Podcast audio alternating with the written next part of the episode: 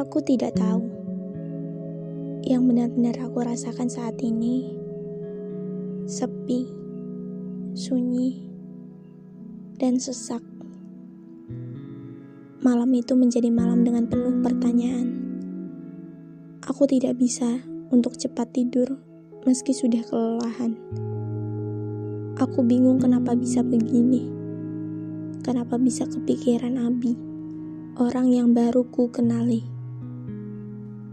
Rasa bersalah yang entah bersumber dari mana membuatku terasa gelisah.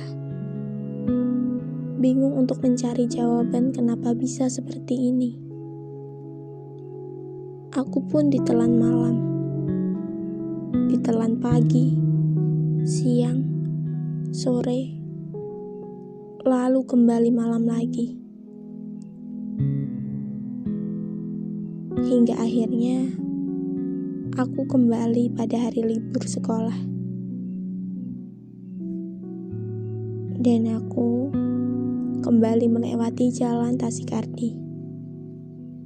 Kali ini ramai, tidak sesepi minggu kemarin. Hari ini seperti biasa, aku mengabaikan remaja laki-laki yang mencoba menggodaku.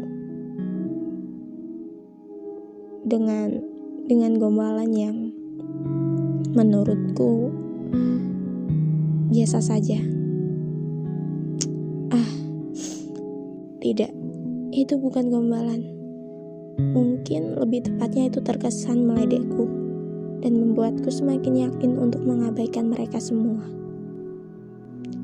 Seorang laki-laki tiba-tiba berada di sampingku, ikut berlari kecil mengimbangi lariku.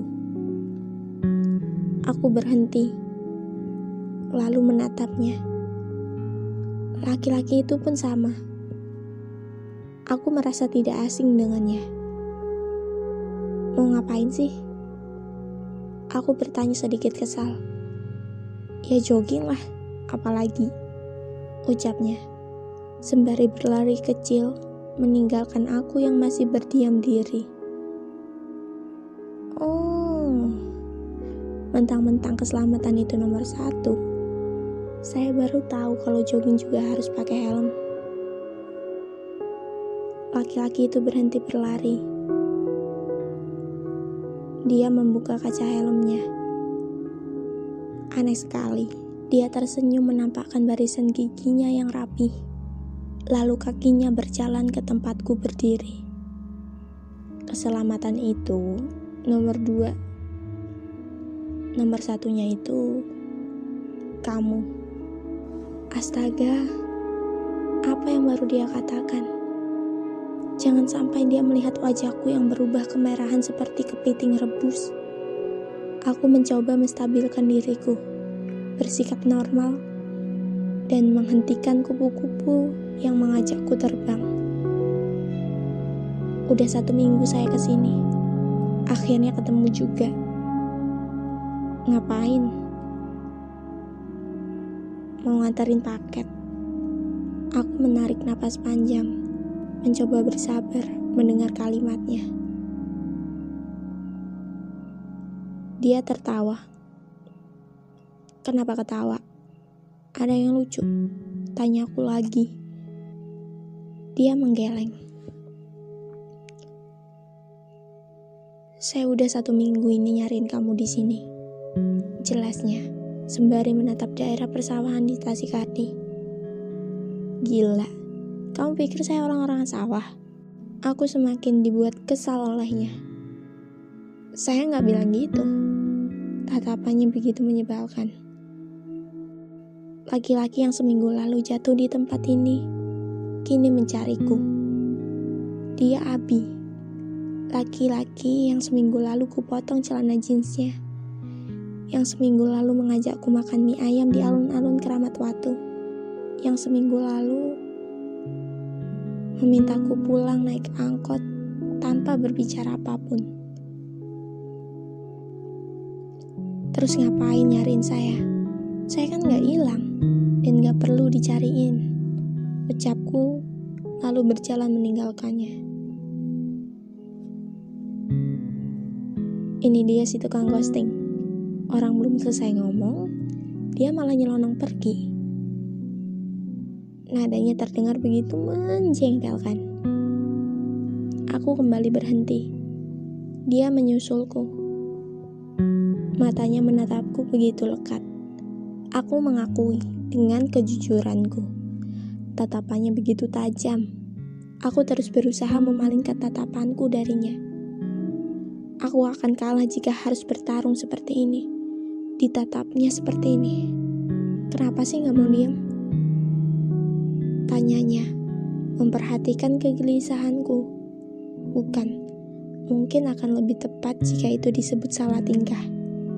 Iya, aku salah tingkah karena bius dari tatapan matanya itu. Aku tidak kuat ditatapnya seperti itu. Aku menggeleng kuat. Angin sore ini mampu menggoyangkan rambutku yang terikat. Juga anak rambutku yang lepas dari ikatannya. Abi melepas helmnya. Kami masih diam. Saya ke sini cuma mau bilang makasih. Tatapannya tidak berpaling dariku. Justru semakin tajam saja. Aku balas menatapnya sembari menyelidiki. Apa telinga aku tidak salah dengar? Tapi kenapa nggak minta maaf juga? Ekspresinya berubah bingung seketika. Minta maaf.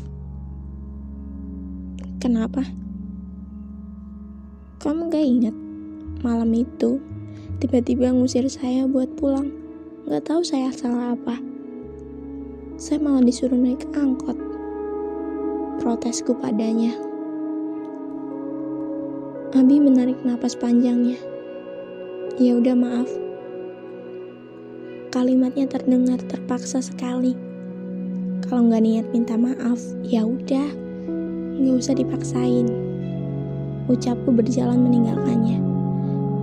Tapi tangannya sigap menangkap tanganku, mampu menghentikan langkahku suka banget marah ya. Aku diam, malas menjawabnya. Lara, aneh banget ya manusia. Manusia suka banget marah, tapi nggak suka dimarahin. Manusia kadang harus minta maaf atas kesalahannya, tapi manusia lainnya berhak untuk tidak memaafkan manusia itu. Aku sama sekali tidak mengerti apa pun yang Abi ucapkan otakku tidak dapat mencerna kalimatnya dengan baik. Dan aku, aku diam. Aku tidak mengerti dan tidak tahu mau menjawab apa. Ya udah gini aja.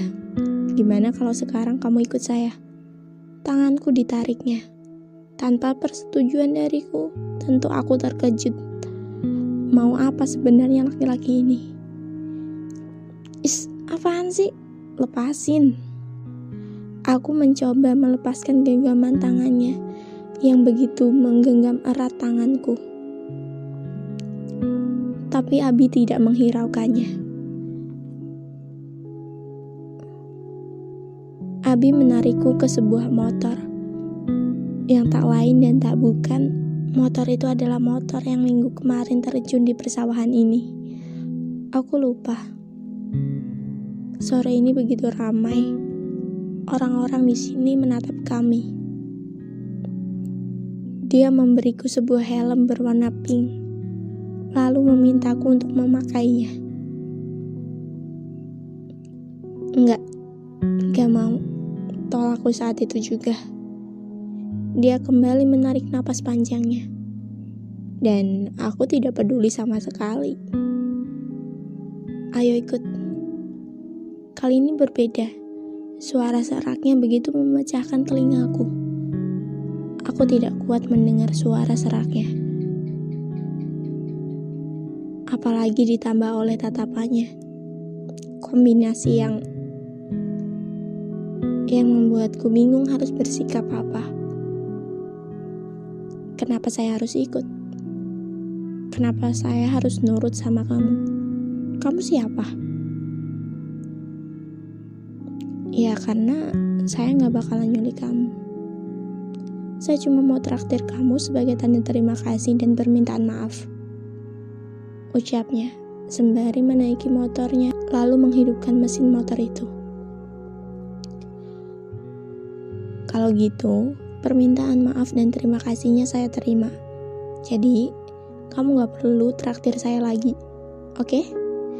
Kuserahkan helm itu kembali padanya. Tapi lagi-lagi, tangannya mencegahku untuk pergi. Dia menatapku dengan memohon. Oke, saya mohon. Aku menelan ludah. Aku bingung, walaupun sebelumnya kami pernah bertemu, tapi aku takut untuk mengikuti ajakannya. Gak usah takut, seolah tahu apa yang kupikirkan. Saya nggak akan macem-macem. Janji. Jelasnya sekali lagi. Mencoba meyakinkanku. Entah hal bodoh apa yang membuat aku menerima ajakannya. Dan kembali duduk di motornya itu untuk kedua kalinya. Motor itu melaju ke arah Serang. Kami tadi banyak bicara. Tapi sekarang malah diam satu sama lain.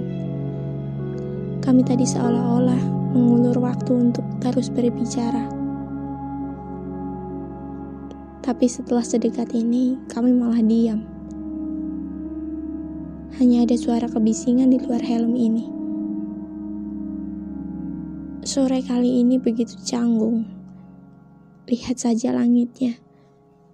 Seolah tahu perasaanku. Langit sore ini menampakkan semburat jingga namun juga ada awan hitam yang siap menutupi indahnya. Entah cerah atau justru mendung yang akan menang. Kita lihat saja nanti.